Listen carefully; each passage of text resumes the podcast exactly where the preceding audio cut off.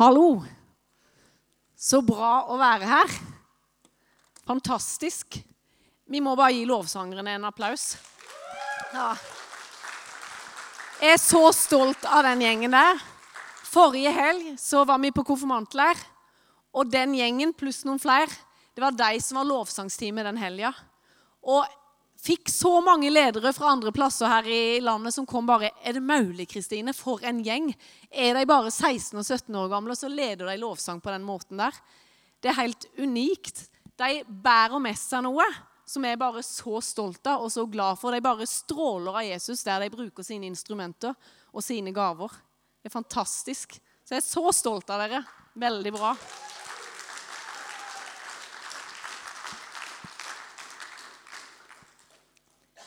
Temaet i dag, det er rett og slett i verden, men ikke av verden.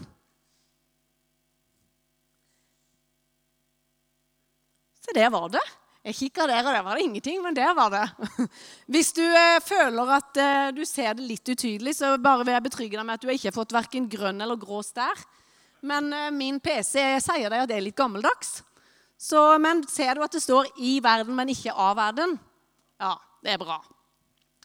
Um, jeg tenker det at uh, Hvis vi følger med litt på nyhetene, kikker litt i avisene, ser liksom litt av det som skjer eh, rundt oss i verden, så er det ikke akkurat bare oppløftende ting. Sikkert på mange av dere her inne ser på nyhetene hver eneste dag, og vi kan vel være enige om det at uh, det er ikke bare positive ting vi ser. Krig og elendighet, vannmangel, konflikter, kaos. Det er mye negativt som omgir oss. Hver eneste dag er det mye negativt som på en måte vi får slengt rett imot oss. Og Det trenger ikke bare å være det store verdensbildet, men det kan være der du er i din hverdag. Det kan være ting som du syns eh, er utfordrende, du opplever det litt vanskelig, kanskje på skolen, på arbeidsplassen din. der er ting som krasjer med dine verdier, det som du tenker er bra, det som du tenker at Nei, dette her er jo viktig. Dette er jeg helt uenig med de som jeg møter. Det kan være utfordringer som både du og vi møter på. Og Av og til tenker jeg at jeg kan nesten føle det sånn at åh, en har lyst til å bare mure seg inne i sitt eget hus. For jeg orker ikke forholde meg til alt det som skjer rundt meg. Det er vanskelig når du kjenner at det er uenigheter. Av og til tenker jeg nesten vi kristne tenker litt sånn at bare vi murer oss inne i vår egen kirke, så slipper vi å forholde oss til den verden der ute. Det er så mye tryggere her inne. Det er så mye lettere. Det er så mye lettere for oss å bare være her inne i denne kirka. Eh, I temaet i tema i høst mener jeg, har mye vært på det med identitet. Hvem er du? Hvem er jeg? Hvem er du i Jesus?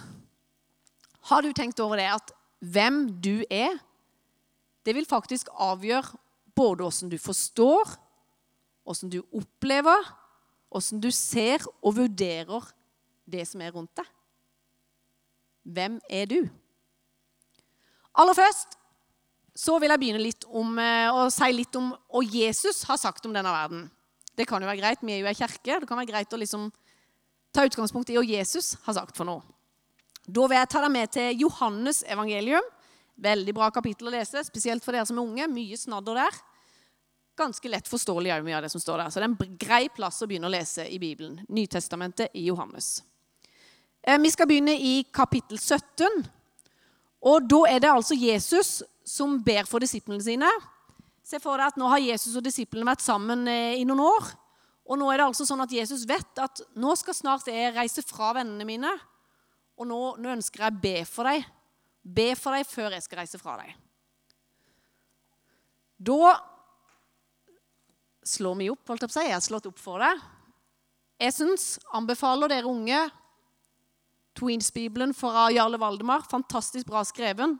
Der står det så enkelt, så jeg har tatt utgangspunkt i den i dag. For den står mye lettere skreven enn i den der eh, litt eldre bibelen. Veldig bra for dere å bruke. Så er det sånn at eh, eh jeg er så heldig å ha fått vært og hørt på Egil Svartdal nå i én kveld og én dag. Og Egil Svartdal han liker høytlesing, så jeg sier som Egil La oss lese i sammen. Veldig bra. Jeg ber deg ikke Ja, Dere skal lau, altså. Jeg ber deg ikke om at du skal ta bort de troende fra denne verden, men jeg ber om at du bevarer dem fra det onde. De tilhører ikke denne verden, akkurat som jeg ikke tilhører denne verden. La din hellighet og din sannhet følge dem. Ditt ord er sannhet.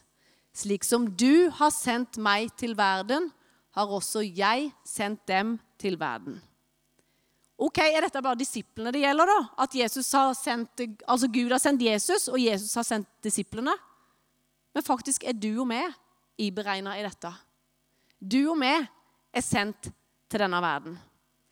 Altså så ber Jesus at vi skal være i denne verden, men ikke av denne verden.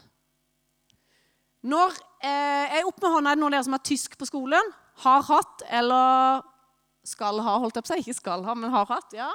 Ikke så mange over 50 som har tysk, nei. Jeg skjønner. nei, noen har hatt tysk. Jeg har tysk, jeg husker ingenting. Jeg holder på å repetere litt nå når Martha har begynt med tysk. Men én ting husker jeg. At jeg lærte at det var veldig veldig, veldig viktig med preposisjoner i tysken. Dyrk for gegen og nom. Er det noen av dere som har pugga den? Ja. Det var kjempeviktig med preposisjoner. Nå sitter noen som spørsmålstegn og er preposisjoner. Jeg ser det. Hva sier du? Et styreord. Veldig bra, svigers. Han kan det. Altså, preposisjoner det sier noe om også noe eller noen er plassert i forhold til noe annet.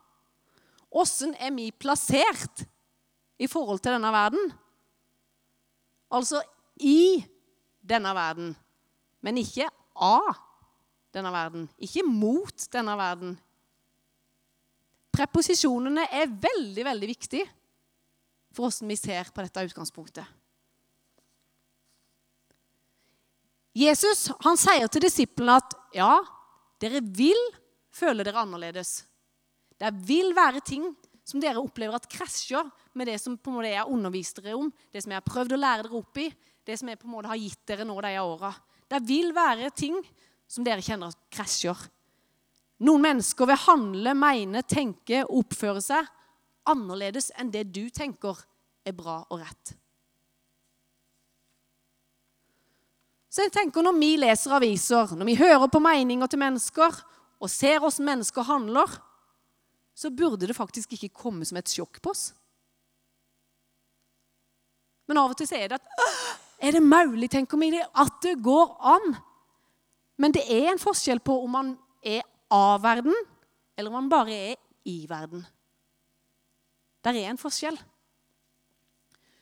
Som en kristen så er det sånn at vi kan være i verden. Og jeg må forholde meg til mange mennesker rundt meg. Ulike språk, kulturer, religioner og kunnskap. Men hvem er jeg midt i denne verden? Og sannheten om hvem jeg er, den definerer Gud.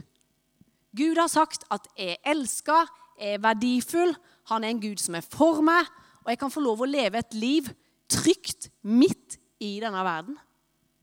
For jeg tar utgangspunkt i hvem Gud er, og hvem Gud sier at er. Ok, Jeg skal ta en historie fra Bibelen som gjør dette her litt tydeligere for deg. Daniel. Mange her inne har hørt om Daniel. Daniel i løvehula er jeg sikker på alle dere har hørt om. Ja. Daniel han er en gutt du kan lese om i eh, Gammeltestamentet i Daniels bok. Daniel han var en ung gutt som ble plukka ut av en konge som heter Nebukaneser. Vanskelig ord. Nebukaneser. Han kongen tenker jeg var ganske så smart. Han tenkte det at hvis jeg fyker inn til Jerusalem og finner de guttene som har, som har rykter om at de har mye kunnskap, har mye visdom og er ganske så kjekke å se på, de vil jeg ta med meg tilbake til Babylon.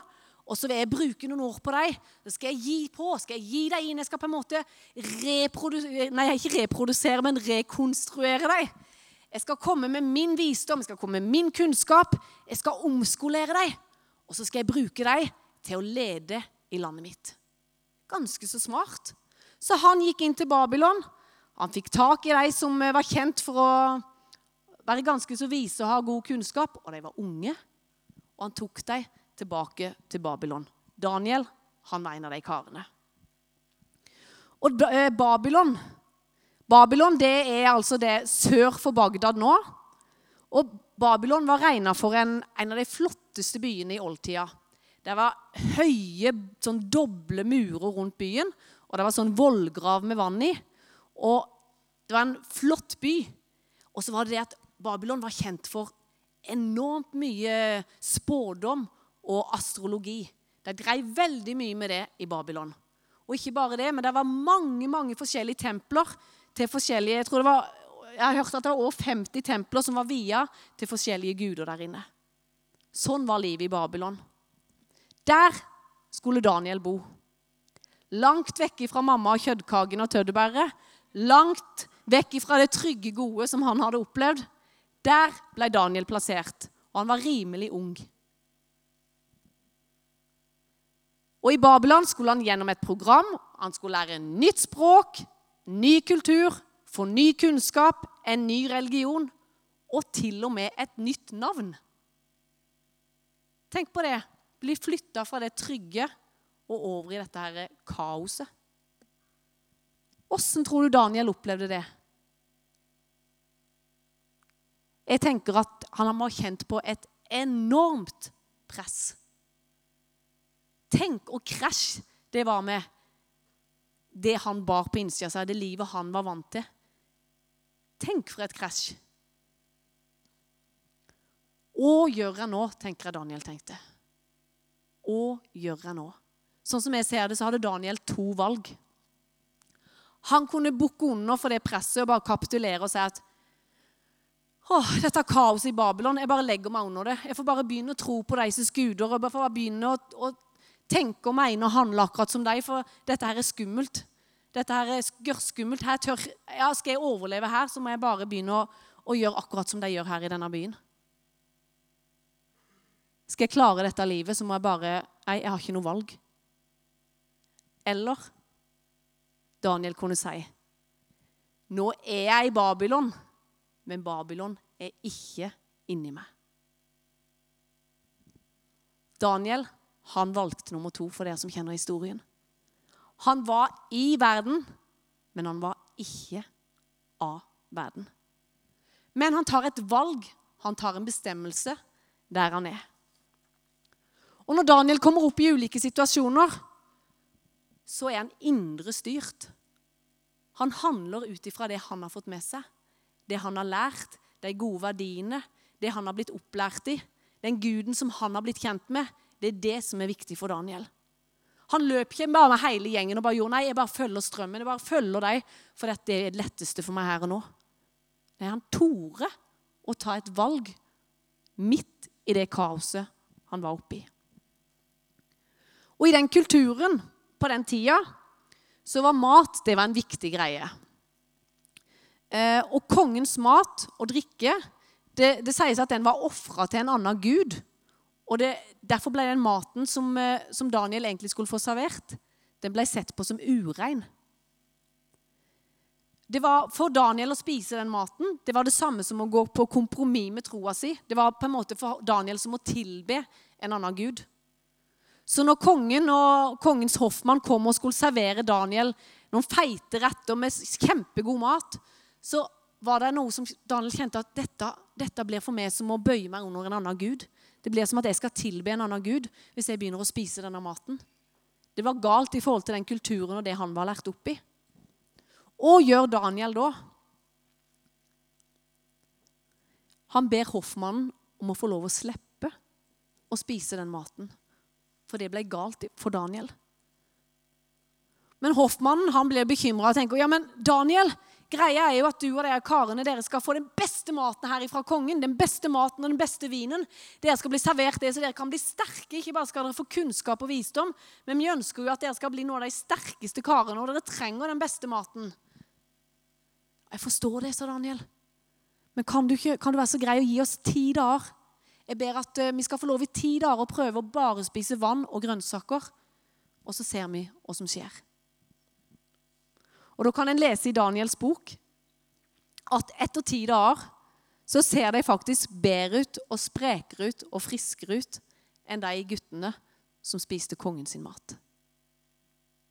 Ganske utrolig. På grønnsaker og på vann.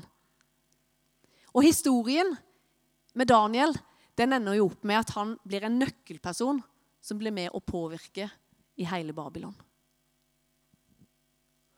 Og kan denne historien lære du, og kan denne historien lære meg? Jeg tenker at det går an å bestemme seg for å stå for noe. Daniel han tok et valg når han var midt i Babylon. Han tok et valg om at det er Gud som jeg vil bygge mitt liv på.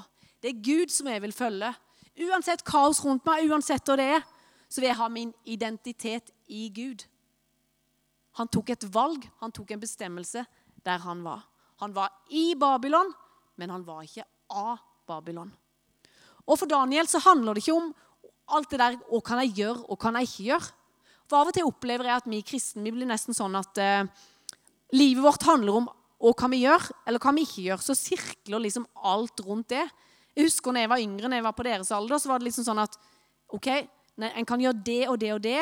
Da kan en kalle seg kristen. Men hvis en gjør det og det og det, nei, da, nå er jeg innafor. Men nei, nå er jeg på utsida. Så var det nesten sånn at mange gikk rundt og var livredde. Er jeg innafor, eller er jeg utafor?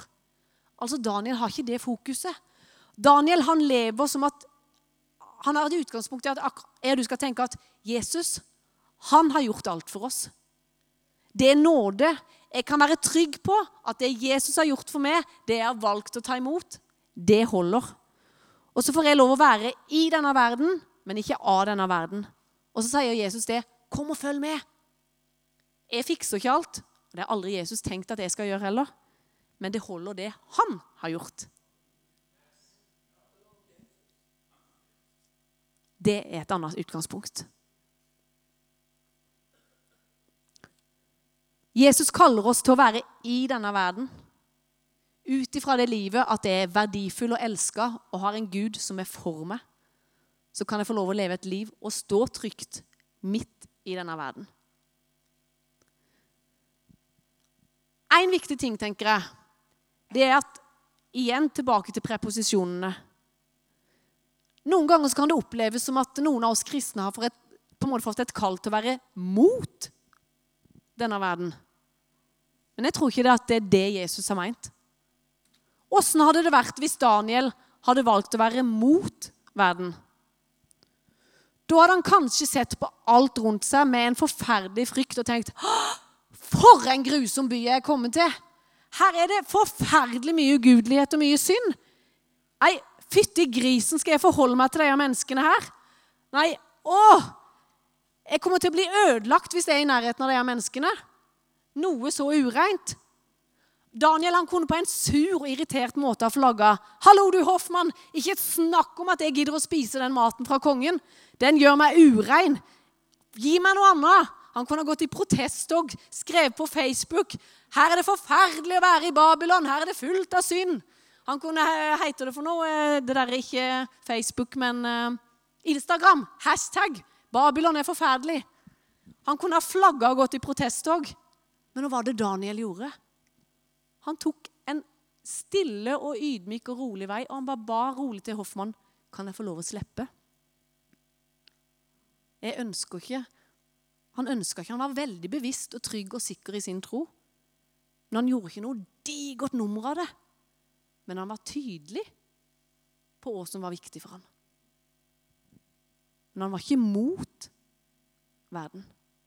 Av og til tror jeg, og jeg opplever det sjøl òg, at en kan av og til la frykten for alt rundt gjøre at jeg enten ubevisst eller bevisst blir imot verden. For i frykt for å bli lik verden, så enten så kan en trekke seg vekk fra verden og mure seg inne her i kirka, eller bare være sammen med kristne venner, for det er jo så mye lettere, for da har vi ganske like verdier. Her er det trygt. Her vil ikke verden påvirke meg. Men jeg tror ikke det er det Jesus har tenkt. Jesu bønn som vi leste i begynnelsen, det var 'Jeg ber ikke om at du skal ta deg ut av denne verden', men at vi er sendt til denne verden. Adressen for det livet du og vi lever, det er i denne verden. En dag så skal vi bli tatt ut av denne verden. Det blir jo helt fantastisk. Men nå så er vi i denne verden.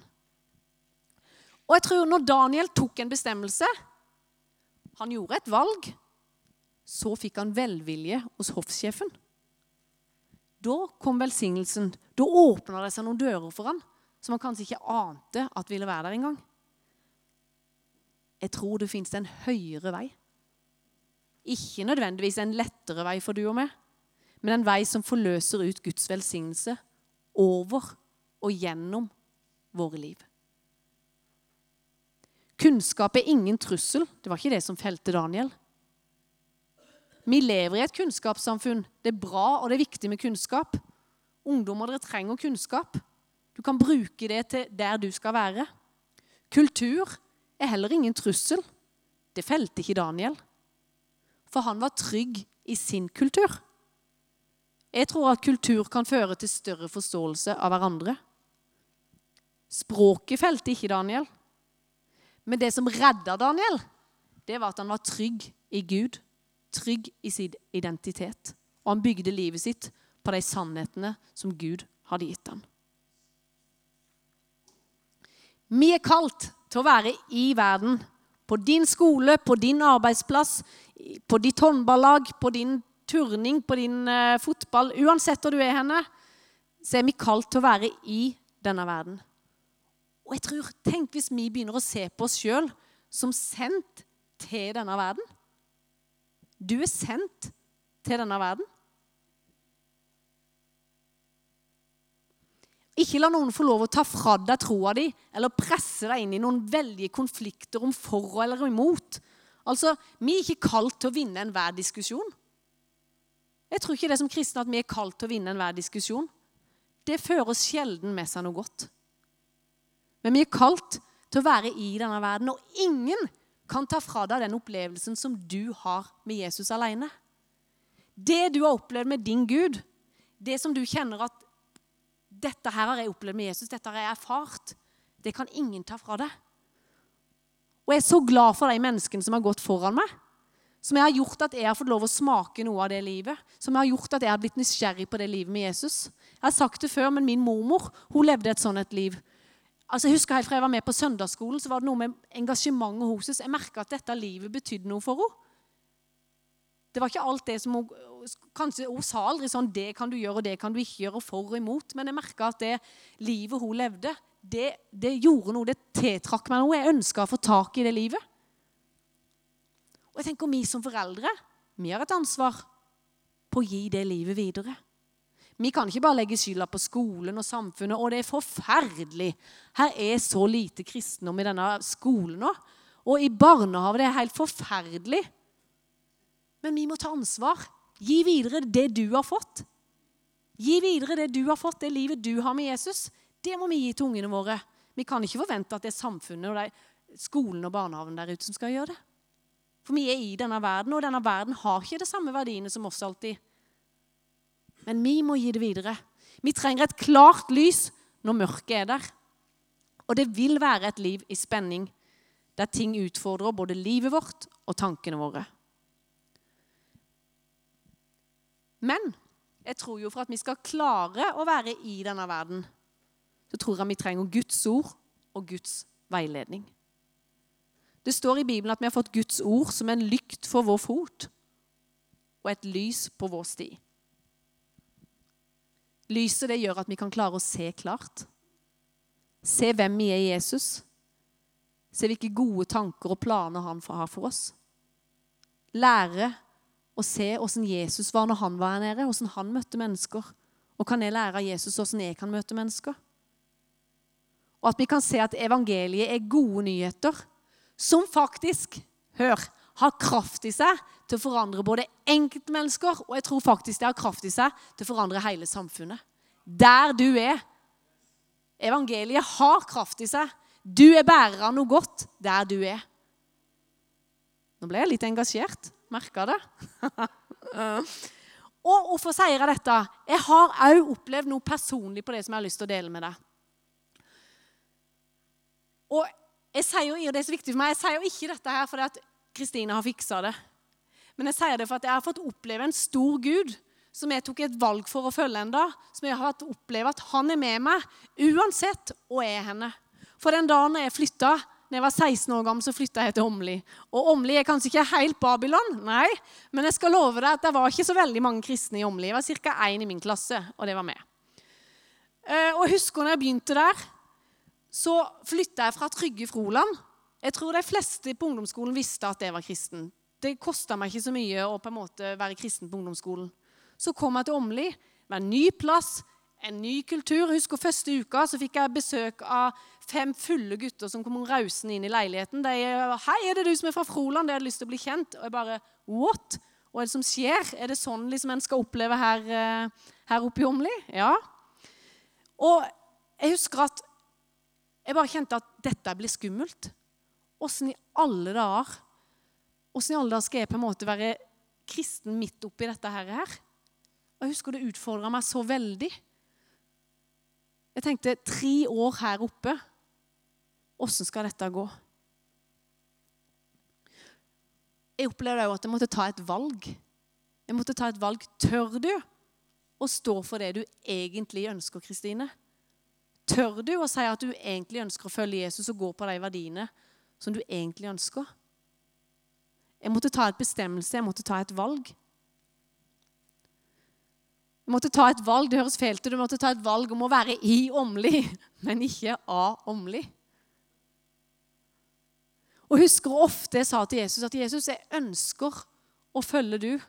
Og så ønsker jeg òg å elske de menneskene. Jeg ønsker å elske de som er i klassen min. Og på en måte ikke være en som trykker deg ned, men jeg ønsker bare å Kan jeg få lov å bety en forskjell her, Jesus? Og jeg er en person som elsker at det er liv. Jeg elsker idrett. Så jeg hadde jo lyst til å henge med deg og være sammen med deg og gi full gass. Men så hadde jeg samtidig ikke lyst til å være med på det livet som de valgte, og mange av de verdiene som de handla ut ifra. Og Når jeg ser tilbake på de tre åra, så tror jeg det er de tre åra jeg har opplevd å vokse mest som kristen. Det utfordra meg, men samtidig så opplevde jeg at skal jeg på en måte overleve her i Åmli, så er jeg nødt ikke som en plikt, men jeg kjente at det var noe jeg trengte i livet mitt. Og hver dag begynner jeg en liten stund sammen med Jesus.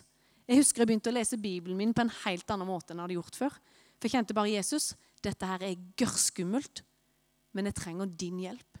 Jeg trenger din veiledning. Jeg trenger din kjærlighet for å møte de menneskene med i hverdagen. Jeg trenger bare at du gir meg noe så jeg kan møte denne dagen med. Jeg ble helt avhengig av å bruke tid med Jesus. Og jeg husker at akkurat som Jesus minner meg på at du må begynne å be for deg òg. Så jeg ba for deg i klassen min. Og det som er så stilig, som jeg opplevde, at når russetida kom, så var jeg jo òg spent.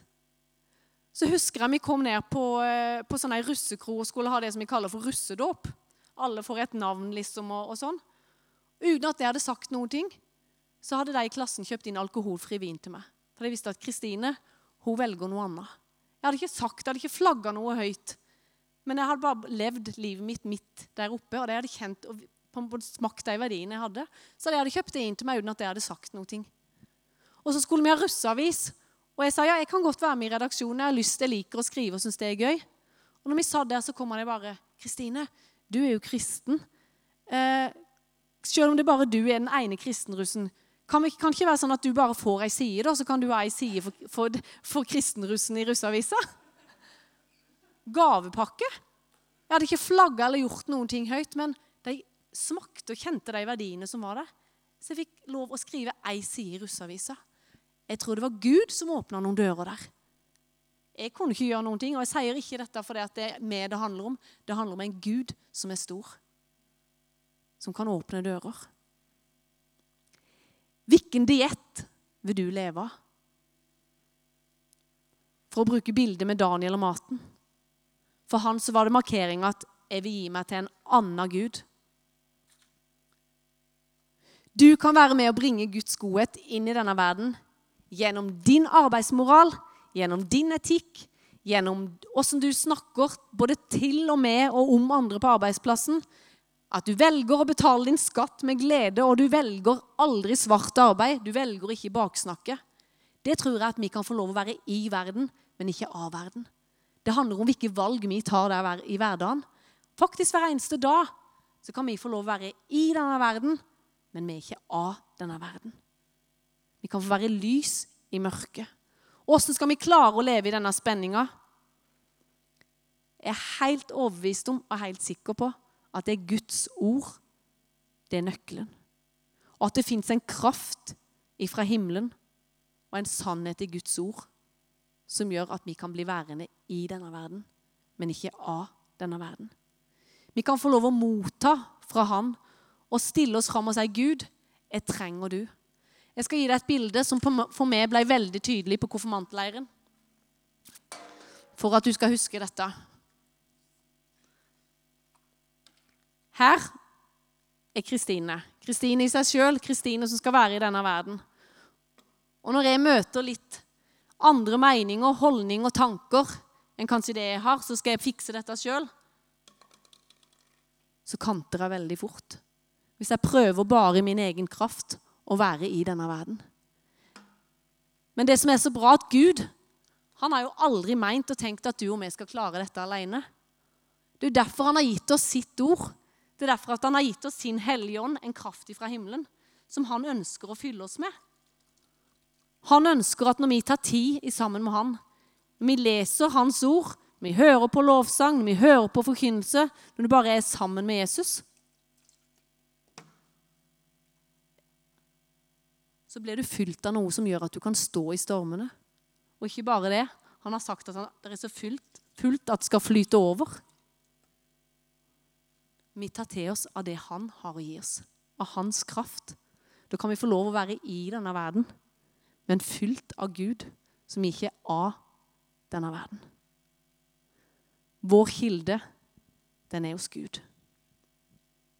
Vi kan få lov å ta en bestemmelse om å våge å stå for noe. Ønsker du å bety en forskjell der du er i din hverdag? Jeg tenker at gudstjenestene vår det er en utsendelse Søndagen handler om at vi kan få lov å være her sammen med Gud, få lov å motta fra Han. Men så er det sånn at når søndagen er slutt, så blir vi alle sendt ut. Det handler om det livet du lever der ute. Det er det aller, aller viktigste. Det hjelper ikke at Geir og Vidar og vi står bare her og taler, men det er det livet du lever der ute. Det er du som møter mange, mange flere enn det vi møter her inne på søndagen. Det livet du lever der ute, så kan du få lov å være i verden, men ikke av verden. Hvis du ønsker å ta en bestemmelse i dag for at det livet ønsker jeg enda mer å leve, enda mer å ta en bestemmelse som Daniel, så ønsker jeg bare at du skal rekke opp de hånda. Det er noe jeg kjenner og lengter etter i mitt liv. Jeg ønsker ikke bare å være her inne i denne kirka, men jeg ønsker å være der ute og møte menneskene som trenger å få smake den gode guden som jeg har fått lov å smake. Jeg ønsker å dele med han med andre. Lovsangere, kan ikke det komme opp? Jeg ønsker bare at Hvis du ønsker å ta den bestemmelsen, kan du bare få lov å rekke opp hånda di nå. Så skal jeg bare be en bønn. Kjære Gud, jeg bare takker deg for at uh, du er en god Gud. Jeg takker deg, Gud, for at uh, du er den vi kan få lov å bygge vårt liv på. Du er sannheten som om hvem vi er, far. Og uansett om vi er henne, far, så kan vi vite at uh, du elsker oss. Og at du har frelst oss, og du er mektig til å beskytte oss. Takk at midt i denne verden, far, som der er så mye kaotisk. Der kan vi få lov å oppleve at vi kan få lov å være sammen med du, i du. Vi kan få lov å være lys midt i dette mørket. Og jeg bare ber deg, far, om at de som kanskje kjenner at de holder på å bli overveldet av frykt, og at det er vanskelig å forholde seg til denne verden, jeg bare ber om at du bare skal fylle deg opp og se at uh, du er med deg. De skal ikke frykte, for det at du har seira. De skal få oppleve og kjenne det at uh, frykten den, den, skal de få lov å slippe taket av, for så skal du fylle deg opp med din fred.